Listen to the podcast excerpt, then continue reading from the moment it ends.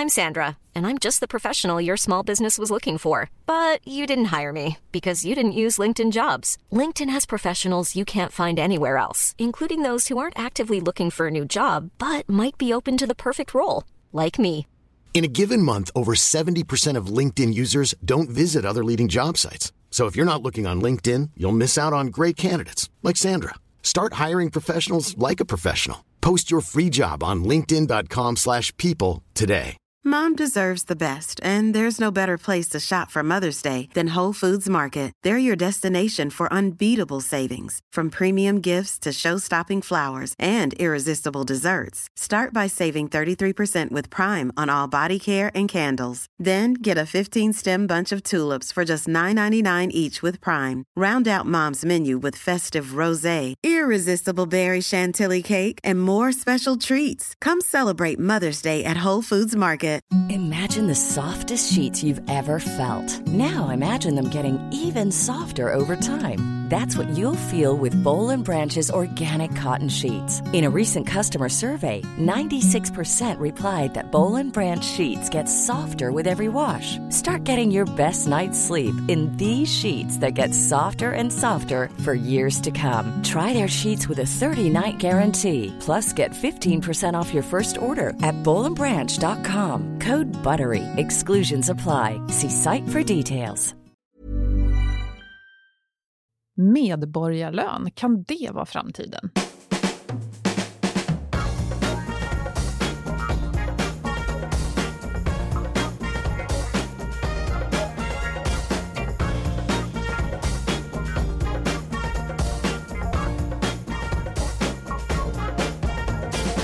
Det här är Health for Wealth, en podd om hälsa på jobbet.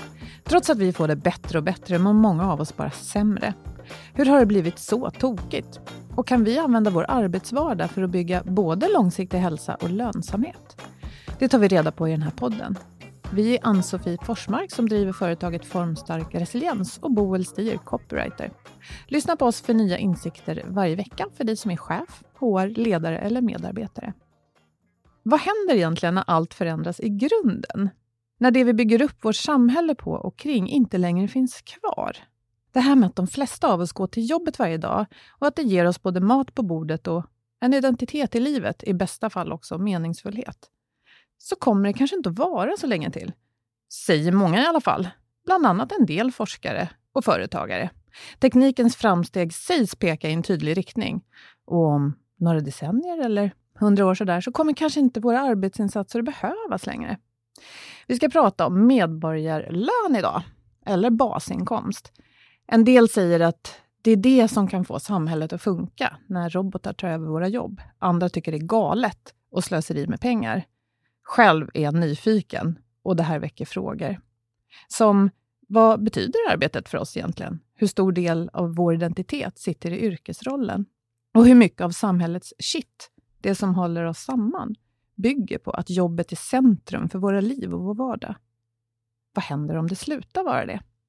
Det här ska vi prata om idag. Och idag sitter jag för ovanlighetens skull här utan Ann-Sofie, men med Andreas Berg, docent och välfärdsforskare. Välkommen! Tack så jättemycket.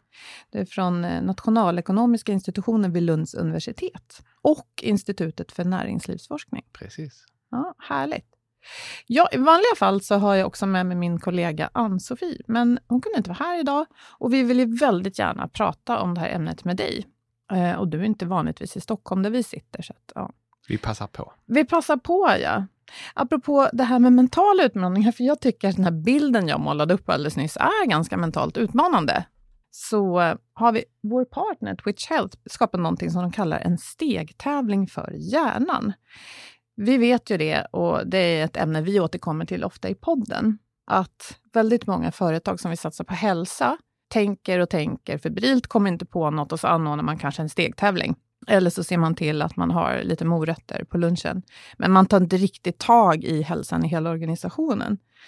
Twitch Health säger det att det är så många svenskar som äter antidepressiva läkemedel, är oengagerade på sitt jobb och vi är också väldigt duktiga på att missa symptom hos oss själva och andra som hjärtklappning, huvudvärk, utmattning, nedstämdhet. Och vi vet att det är viktigt med sömn och återhämtning, men det är ändå svårt att få till det för många i vardagen. Och därför har Twitch skapat en mental stegtävling. Och det handlar helt enkelt om en digital lösning. Eh, där målet är att man ska börja prata om psykisk hälsa och kanske inte bara ohälsa. Fokusera på sånt som stärker den istället för sånt som skapar ohälsa. Och lyfta beteenden som skapar hälsa. Du kan läsa mer på twitchhealth.se och vi lägger in eh, en länk i inlägget som vanligt. Nu ska vi gå tillbaka till min och kanske andras mentala utmaning idag. Och det är det här med hur ska vi... Egentligen handlar om hur vi ska organisera hela samhället i framtiden. Eller vad säger du, Andreas? Ja, det kan man väl säga. Eh, eller för den delen hur vi ska organisera samhället idag. Det här är ju inte helt nya problem. Nej. Även om det ibland låter så. Vi står inför en våg av teknologisk arbetslöshet som man brukar säga, det vill säga att maskiner, datorer, algoritmer kommer att ta våra jobb. Eh, och hur ska vi hantera detta? Och då brukar jag påpeka att ja, vi, vi står också efter en våg av datorisering, automatisering och digitalisering där maskiner, algoritmer och datorer har tagit våra jobb. Och hur har det gått tycker du? Eh, bitvis bra. Eh, arbetslivet har till exempel blivit mycket, mycket säkrare. Eh, det dör färre idag än för 20 och 50 och, och 70 år sedan. Och då På- tänker du på att vi här i Sverige inte jobbar lika mycket fysiskt kanske, eller? Ja, då tänker jag på just att maskinerna har tagit våra jobb. Om du tar skogsindustrin så har den ju eh, använt maskiner på ett sätt som, som gör den mer produktiv men också säkrare. Gruvindustrin är också säkrare av samma skäl. Det är mer att sitta, ja, påminner i vissa avseenden om ett datorspel faktiskt och, och är mindre farligt jämfört med hur det var för hundra år sedan. Så det blir väl längre avstånd mellan oss och tekniken. Det är inte lika lätt att få in en arm i ett stort maskineri. Och, Ja, bland annat så. Och på en rad andra områden så har alltså dödsolyckorna i arbetslivet har minskat och det är för att tekniken gör det farliga eh, åt oss. Och vi har blivit mer produktiva, eh, så vi har blivit rikare. Eh, det är då uppsidan. Mm. Eh, men sen är det vissa sysslor som fanns förr eh, och som inte längre finns. Typografer, sättare, sekreterare som renskrev texter eh, har fått ombilda sig eller sluta arbeta. Och andra som tidigare hade en sekreterare som renskrev saker och ting har fått lära sig hantera ordbehandlare eh, och annat. Eh, och det kan vara utmanande, svårt och jobbigt och kanske till och med deprimerande och stressande. Så att det har gått både bra och dåligt hittills. Och min vilda gissning är att det kommer fortsätta gå i vissa avseenden bra och i vissa avseenden dåligt framöver. Och det där är intressant med den tillbakablicken som du gör. Alltså hur har det gått det senaste, vi skulle kunna säga 100 eller 50 åren. För då kan man också tänka sig att egentligen behöver vi inte sitta här och gissa för vi vet så lite. För allt det där hade man ju inte riktigt kunnat föreställa sig.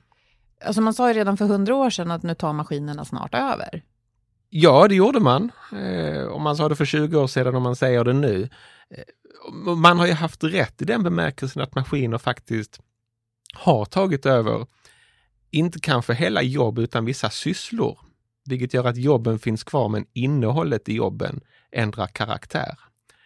Eh, av en ren slump så snubblade jag över en doktorsavhandling som kom eh, på 80-talet och som beskrev hur elever 1983 spanade inför framtiden. Eh, De gick då i femman, åttan och andra ring på gymnasiet och deras uppgift var att fundera kring framtiden för sin egen del, för Sveriges del och för världens del fram till år 2000. 2000 var ju då det här mytiska, avlägsna framtidsåret som hade science fiction-prägel. Eh, och det som slog mig när jag läste den här avhandlingen var att på en punkt var deras oro inför framtiden nästan på formuleringarna identiska med debatten idag. Och det är datorer, robotar och att de kommer att ta våra jobb. Mm.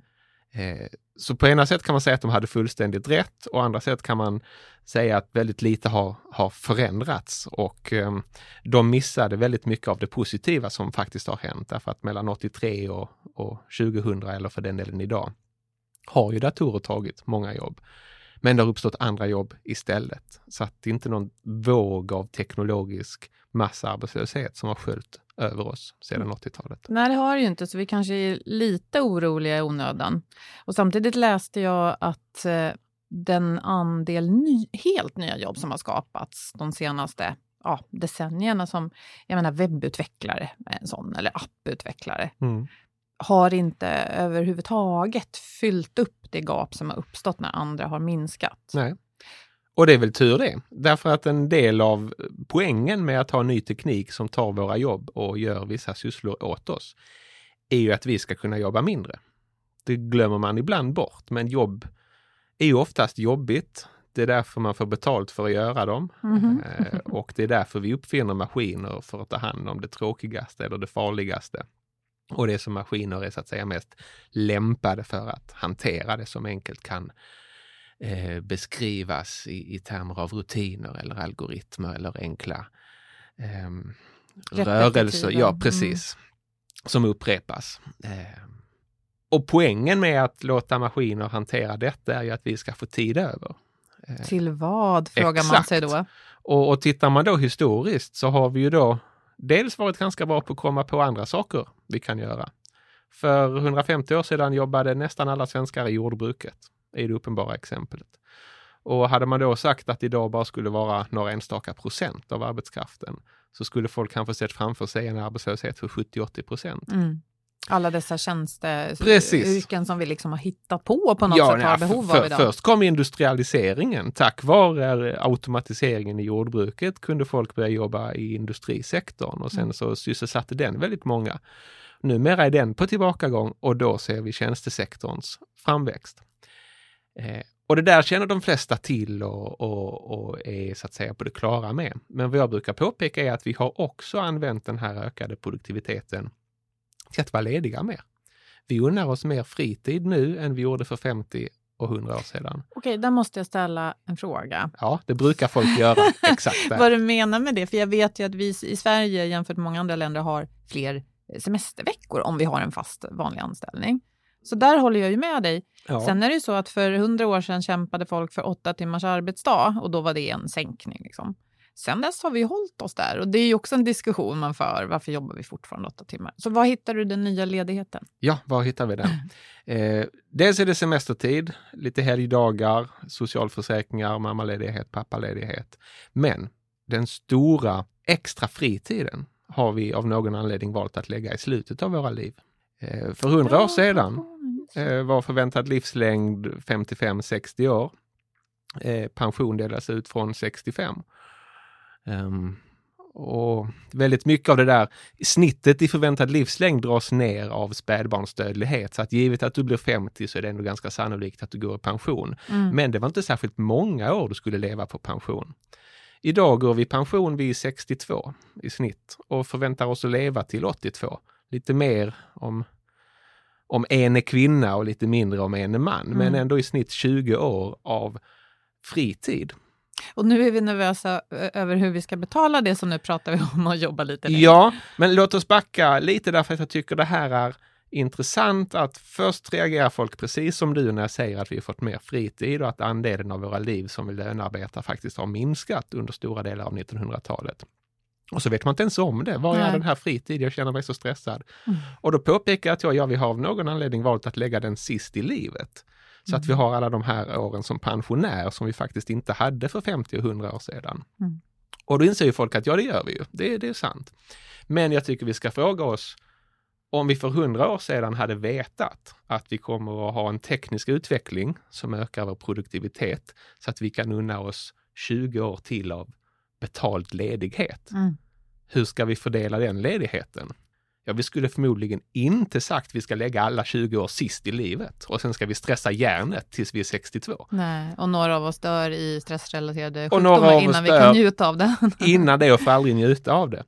Så att jag tycker att vi borde göra det där tankeexperimentet och fundera kring om vi fördelar fritiden lite konstigt. För det är Mm. precis som du säger, eh, normalarbetstiden har varit densamma, arbetsveckan har varit ganska länge, vi bygger inte längre ut semestern som vi gjorde i början av 1900-talet och kanske jag tror 1970 någon gång där. Sedan dess jobbar vi lika mycket när vi jobbar Mm. och efter det så har vi fortsatt leva längre så vi har fått mer pension men fritiden har då hamnat i slutet av livet. Mm. Och jag tror inte det är optimalt. Jag tror inte det är så vi vill ha det. Jag tror det är dumt när den tekniska utvecklingen går så fort. Därför att vi sitter fortfarande fast i en struktur som var byggd under industrialiseringen. När man hade en utbildning, sedan ett jobb, samma jobb hela arbetslivet och sen gick man i pension. Nu ändras ju teknologin flera gånger under en karriär så att man skulle behöva varva utbildning med, med arbete flera gånger om. Mm. Men det är sannolikt också så att man skulle vilja pausa och pusta ut och hämta sig och fundera igenom vad vill jag göra med mitt liv. Eh, och då skulle man kunna använda lite grann av den där fritiden som vi faktiskt har jobbat ihop Mm. genom ökad produktivitet. Och inte nödvändigtvis ta ut allt det där i slutet av sina liv. Det här är ju en jättebra övergång till det som egentligen är eh, dagens ämne och det här med medborgarlön. För att om vi då glömmer för ett ögonblick att det kan vara lite tufft att bekosta framtidens pensioner, men att vi ändå har ett system där vi tror att vi Ja. ska kunna betala ut någon typ av pension. Mm. Eh, skulle, skulle medborgarlön helt enkelt kunna vara en omfördelning där vi tänker att nej, men vi vill ha ett, ett liksom, lägre stöd fördelat över hela livet. Och så tar vi ut, alltså att vi kontrar eh, den här fritiden, för vi måste ju fortfarande försörja oss. Ja. Svaret är ja, det skulle det kunna vara. Mm. Eh, Men jag brukar också säga när det gäller just medborgarlönsdiskussionen att det finns väldigt mycket som påminner om medborgarlön i välfärdsstaten redan. När det gäller just det här om fritid över arbetslivet, ja då har vi ett pensionssystem som faktiskt funkar som så att varje gång du tjänar pengar så betalar du in pensionsrätt. Och sedan så eh, bokförs det ganska noga faktiskt. Att om, om du någon gång öppnar de orangea kuverten så kommer du se att det där ökar varje gång du har en vit inkomst. Eh, och sen när du väljer att gå i pension så kommer det delas upp på din förväntade återstående livslängd. Mm. Så att det där går jämnt ut Mm. ungefär. Så med en ganska liten förändring så skulle man kunna säga att, att efter 40, givet att man har jobbat in tillräckligt mycket, så skulle man få börja nalla på det där. Utan att man nödvändigtvis får mer i pension. Men man kan ta ett av de 20 åren, kanske när man är 42. Mm. Eh, och så har man bara 19 så får man jobba till 67 istället för 66 eller vad man nu hade tänkt sig. Så är det någon slags att man kan växla ner väldigt, väldigt gradvis Ja. från ändå ganska Ja. ska man säga, ung ålder. Men om man tänker så här medborgarlön eller basinkomst som också är ett vanligt begrepp. Ja, De används väl... eh, jag tycker basinkomst är ett bättre begrepp därför att dels är det ingen lön utan det är snarare något, något- ett sätt att använda produktiviteten när vi inte arbetar för lön. Och sen måste det heller inte gå till medborgare så att basinkomst är ett bättre begrepp. Mm. Men eh, jag tänker så här, den ska väl då, om man skulle införa den, även lösa problemet med att unga inte eh, hittar in i arbetslivet eller för den delen inte ens skulle vilja jobba. Eh, alltså det, idén om basinkomst är väl, eh, jag tänker mig så här, att det kan ju vara knepigt att hitta ett system för hur vi ska fördela det och var ska nivån ligga? Mm. så att det inte blir för dyrt och så att det ändå är en meningsfull, eh, ja, meningsfull peng liksom, Ja. som kan, jag kan klara mig på. Men eh, eh, ja, nej men Det ska det vara bas så kan det inte bara vara från 40 tänker jag. Nej, det kan det inte, utan då måste det finnas där hela tiden. Men så är det i välfärdsstaten också. Vi måste redan idag hantera ungdomsarbetslöshet, hur man ska försörja sig när man inte hittar ett jobb, eh, hur länge man ska bli försörjd och på vilken nivå efter att man har fått sparken från ett jobb. eh, om den tekniska omvandlingen har skapat Men när jag har läst om det här då, vilket inte alls är jättemycket på något sätt, men eh, då framstod du som en person som till skillnad från många andra lyfte det faktum att det inte är så stor skillnad mellan ett medborgarlön eller basinkomstsystem och det vi har idag. Den stora skillnaden är väl ändå att idag prövas ju det här med stöd. Du måste uppfylla vissa kriterier och det kostar också en hel del pengar och arbete att hålla det igång, att granska det. Så, så egentligen Så skulle vi kunna sätta robotar på att betala ut vår basinkomst. Ja, eller ett Excel-ark skulle det väl i praktiken bli. Um, svaret är ja.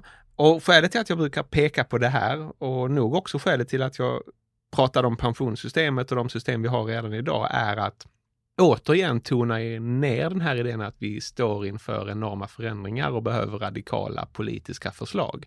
Så är det inte. Vi är mitt uppe i en kraftig förändringsprocess och vi har redan en välfärdsstat som är tänkt att hantera problem som uppstår när jobb försvinner och när människor inte hittar egen försörjning. För det här är ingenting som, som vi ställs inför nu eller imorgon eller nyligen, utan det här har alltid funnits. Mm. Och då måste vi på något sätt hantera det faktum um, att, att alla inte kommer att kunna försörja sig för egen maskin och en del kommer eh, kanske till och med att, att tacka nej till vissa jobb som de skulle kunna ta, men vill försörja sig ändå. Och det problemet finns i dagens system. Eh, och då har jag påpekat att dagens system är lite hycklande. För att vi säger att man måste vara aktivt arbetssökande om man ska ta erbjudna jobb. Eh, och om man inte uppfyller de här kraven så kan man tappa sin a-kassa till exempel och så småningom hamnar man i kommunens försörjningsstöd och då ska man vara aktivt arbetssökande eller gå med på kommunens krav på motprestation. Men om man vägrar det också, mm. vilket de flesta inte gör, men det finns de som är obstinata. Ja, och, och, ja, exakt. Och, och, för en forskare är det kul för att då testas systemet. Vad mm. gör vi med de här jobbiga människorna? Och svaret är att vi lämnar dem ju inte vind för våg, utan de, de kommer att få lite stöd trots allt. Men mm. det är inte särskilt transparent hur mycket under vilka villkor och det är heller inte självklart hur stora krav kommunen ställer och det där varierar från kommun till kommun. Och det är heller inte helt rättssäkert för det kan bero på vilken handläggare du träffar och, och en massa annat. Det är inte supersystematiserat helt enkelt? Det är faktiskt ganska taffligt med tanke på att vi berömmer oss om att vara en rättsstat med tydliga regler och transparens i vad som gäller. Eh, och där skulle vi kunna bli mycket bättre. Om vi gör det där mycket bättre och samtidigt eh, blir tydliga med att ja, om du vägrar söka jobb aktivt och gå några kurser så kommer du inte få särskilt mycket stöd. Eh, men om du gör det här så får du lite mer. Ja, då har vi rört oss mot ett system med en basinkomst som förvisso är på ganska låg nivå, eh, men som ändå etablerar en lägsta gräns som vi garanterar alla. Mm. Och det tycker jag en välfärdsstat ska göra. Ja, men det är intressant. Som du säger, det är när, när systemet prövas som man riktigt ser hur det ser ut. Ja. Um, för att om vi backar lite då, jag, jag försökte att greppa eh, alltså hur man talar för och emot det här med basinkomst, medborgarlön. Mm. Och ja, men som jag har sett det, då, det handlar väl lite om nivå, att eh, från ena hållet kan man tycka att det här är ett sätt att köpa sig fri från, från liksom att behöva hjälpa människor på allvar in i arbetslivet och på allvar göra en omställning och ta tag i fattigdoms, eh, alltså, ja. eh, skillnader i samhället. Ja. Eh, å andra sidan så kan man tycka att jaha, ska vi bara pytsa ut pengar till folk mm. utan att liksom, kontrollera vad de gör med dem? Kan man göra så? Det måste mm. finnas en motprestation. Men jag tänker också hur... Eh, alltså fördelarna är väl då att jämfört med dagens samhälle. Vi, vi sparar eh, pengar. Visst, några blir av med jobbet, men den här omställningsprocessen är vi ju inne i hela tiden ändå. Och det kan vara ett sätt att möta robotiseringen, eller åtminstone att förändringarna sker snabbare och på, i större skala. Ja. Och, och också det här lite grann, när vi ifrågasätter det faktum att arbetet ska ge oss en så stor del av vår identitet och, och någon vill flytta ut på landet och karda ull, som Ann-Sofie sa här om, i något av, avsnitt, så ja, men det behöver ändå några tusen lappar och då mm. kanske du skulle kunna klara dig. Ja, men, men skillnaden då? Ja, några tusen lappar säger du. Ja, för det där är intressant att titta mm. på nivåerna. Exakt. Och jag tror att det är där debatten går i lås ganska ofta, därför att det finns ju förslag om just medborgarlön. Ofta kommer de från vänsterhåll politiskt och i regel så ligger de betydligt högre än några tusen lappar. Eh, och när du börjar räkna på det där så inser du att, att de nivåer som ibland föreslås, 10 000 uppåt, eh, är ekonomiskt orealistiska. Om det inte är så att du ska skrota alla andra delar av välfärdsstaten. Eh, och det kan man diskutera om det är önskvärt eller inte, men det är politiskt svårt att få gehör från en sån drastisk omdaning av samhället. Och det är egentligen aldrig så politiska reformer har kommit till stånd. Så att om inte ditt mål är att du bara ska sitta och vara alternativ och önska dig en annan värld, utan du faktiskt vill åstadkomma förändring, så bör du vara mer realistisk i dina förslag. Då blir det någon slags överlevnadsminimum. Ja, det blir som, det. Som jag Precis. skulle påstå att eh, socialbidragsnivå är idag. De facto är idag, exakt. Ja, och det skulle jag vilja lyfta upp också, för jag tror att, eh, jag märker ibland när jag pratar eh, med människor att man tror att socialbidrag det är att man liksom får allt betalt och så är det ganska bekvämt. Eh, jag försökte läsa på lite mm. inför nu och såg att det finns någon slags miniminivå som är på 3090 kronor tror jag. För en ensamstående utan barn. Ja, ja och, då och sen är... har man hyra dessutom. Så den blir då betald i, om man inte bor i ett lyxslott? Exakt. Ja. Precis så är det. Eh, och det är då numera ganska lågt. Eh, Ja, så jag har svårt att se att man kan klara sig på det om man Ja. inte bor i en stuga. Nej, någonstans. ja. det kan du. Sen kan du få mer om du har vissa utgifter som du kan visa att du måste ha. Men Mm. så att säga, för 20-25 år sedan var det svenska socialbidraget ganska högt. Grejen är att det har varit kopplat till prisutvecklingen så att du kan köpa lika mycket för det du får som du kunde för 20 år sedan.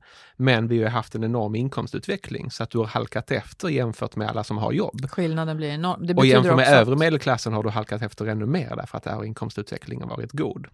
Men det gör att precis, du har en väldig diskrepans mellan förslagen om, om medborgarlön och basinkomst som är på en ekonomiskt orealistisk nivå. Eh, ofta från vänsterkanten. Och sen så hör folk detta och tycker det där verkar ju tokigt, så det här med basinkomst det ska vi absolut inte ha. Och då dör förslaget. Vilket är synd, därför att precis som du poängterar så har vi ett system som funkar eller är tänkt att funka för de här problemen och de Mm. måste vi lösa i vilket fall som hel- helst. Och det är då socialbidrag, numera heter det ekonomiskt bistånd och försörjningsstöd Okej. från kommunen.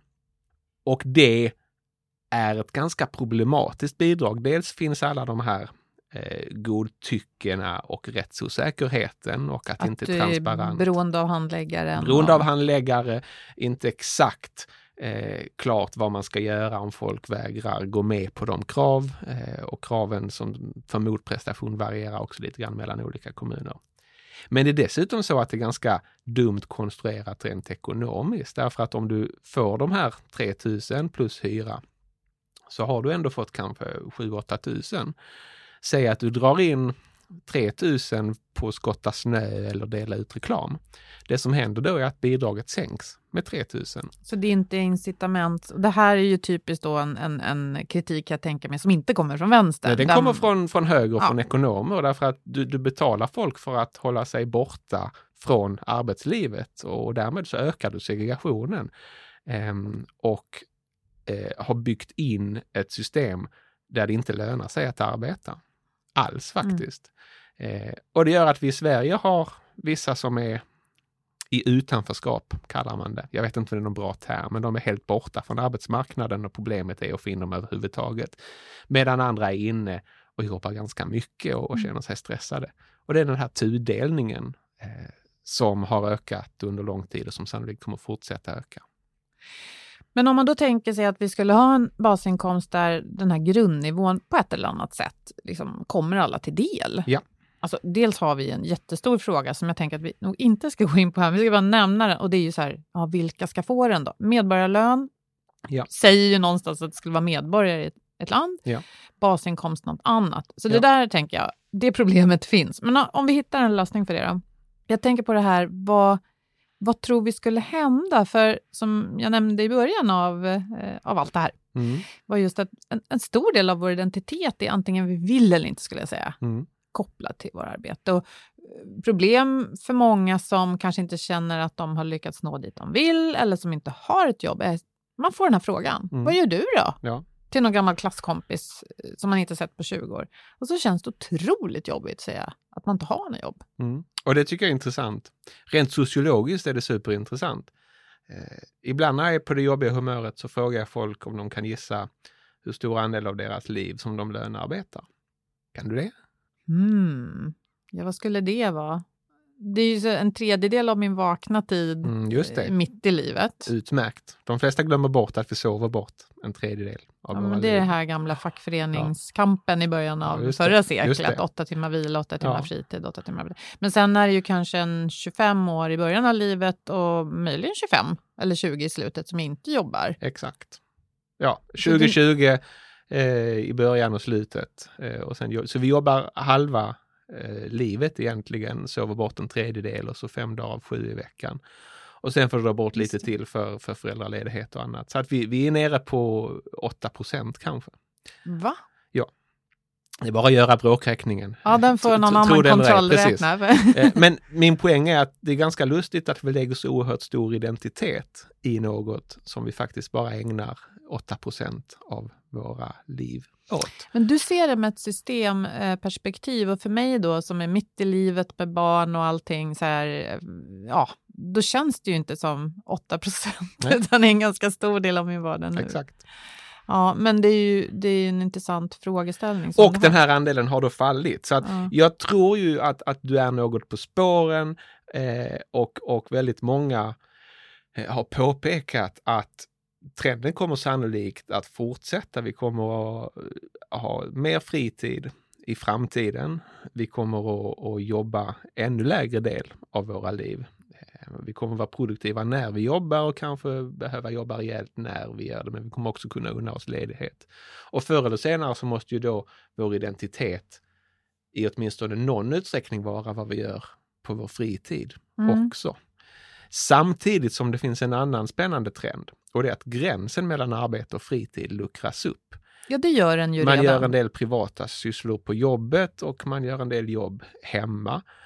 Um, och fler kan unna sig att jobba med sådant som de tycker är kul jämfört med eh, att ha jobb som man bara måste ha för sin försörjnings skull.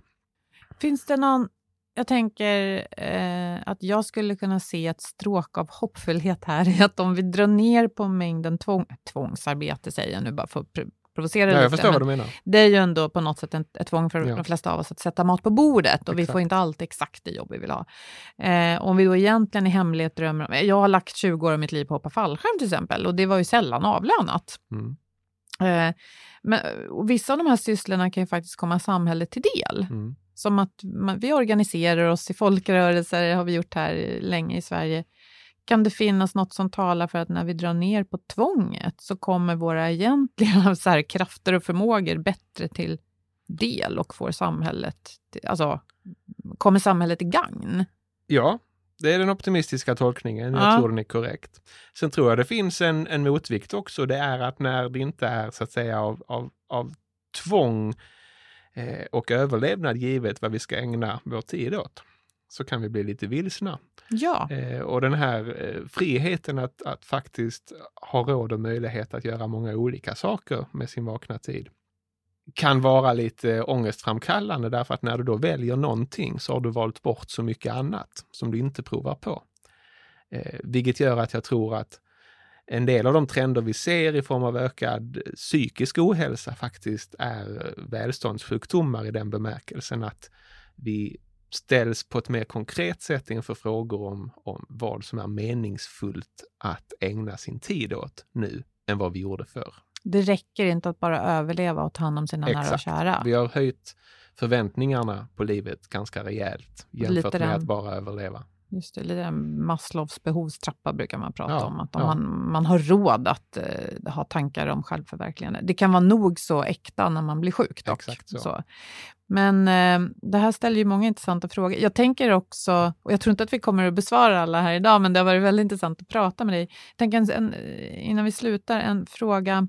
Jag tänker eh, om vi leker med tanken att vi inför den här basinkomsten.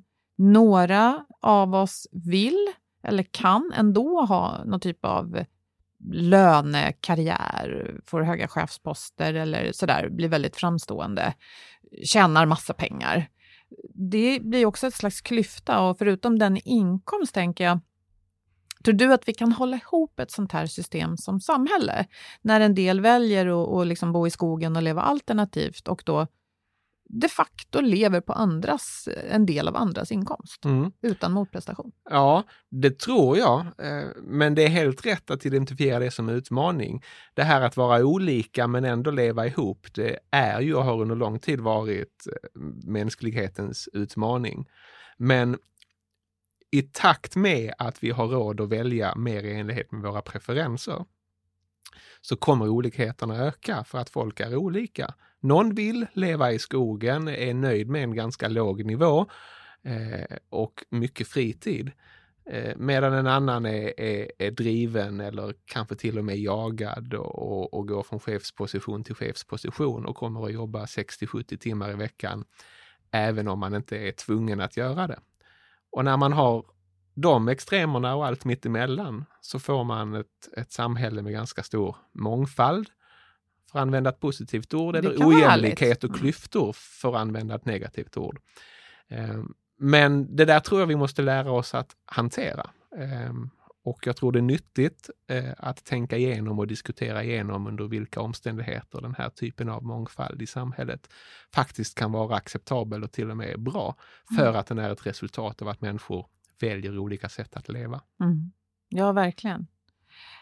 Jag har massor med mer frågor, men jag tänker att vi kanske ska runda av där ändå. Vad jätteglad jag är, Andreas, att du kunde komma hit idag, att vi kunde få pratas vid. Det är jag också. Det var roligt och intressant. Um, ja, jag har lite svårt att landa i att jag inte kan ställa alla frågor som jag ändå har. Men när vi zoomar tillbaka, eller zoomar in igen, tänker jag, till så som det ser ut idag på arbetsplatser, så vet vi att utmattning är ett stort problem idag.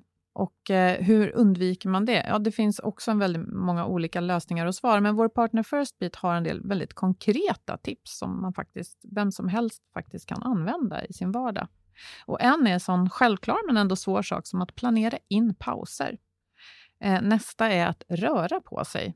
Och Det betyder inte att man måste springa och, och löpträna på lunchen, utan det här som ni nog alla har hört massor med gånger, men ställa sig upp en gång i timmen i alla fall och sträcka på sig.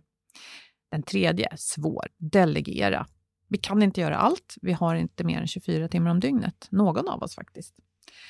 Och sen det här att lyssna på kroppen. Vi vet att eh, när vi blir väldigt stingsliga och hamnar långt ner i stresskonen så är det ett tecken på att något är fel. Var uppmärksam på signaler om sånt här, både hos dig själv och andra. Gör vi inte det så blir det svårt att hjälpa varandra. Och försök ta hand om din sömn. Själv kämpar jag jättemycket med det, men jag tänker att om jag inte lyckas ett dygn så kan jag lyckas nästa. Läs mer på firstbeat.se. Jag vill tacka våra samarbetspartners Firstbeat, Twitch Health och Berggren Lahti för den här produktionen. Och hörni, det här var ett lite annorlunda avsnitt. Jag och Ann-Sofie vill jättegärna höra vad ni tänker och tycker om det här. Hur utmanar de här tankarna vår syn på vilka vi är idag och vår koppling mellan arbetet och vår identitet? Berätta för oss i sociala medier där vi finns på LinkedIn och Facebook eller skicka ett mejl. Du hittar all information på healthforwealth.se. Ta hand om varandra. Hej då!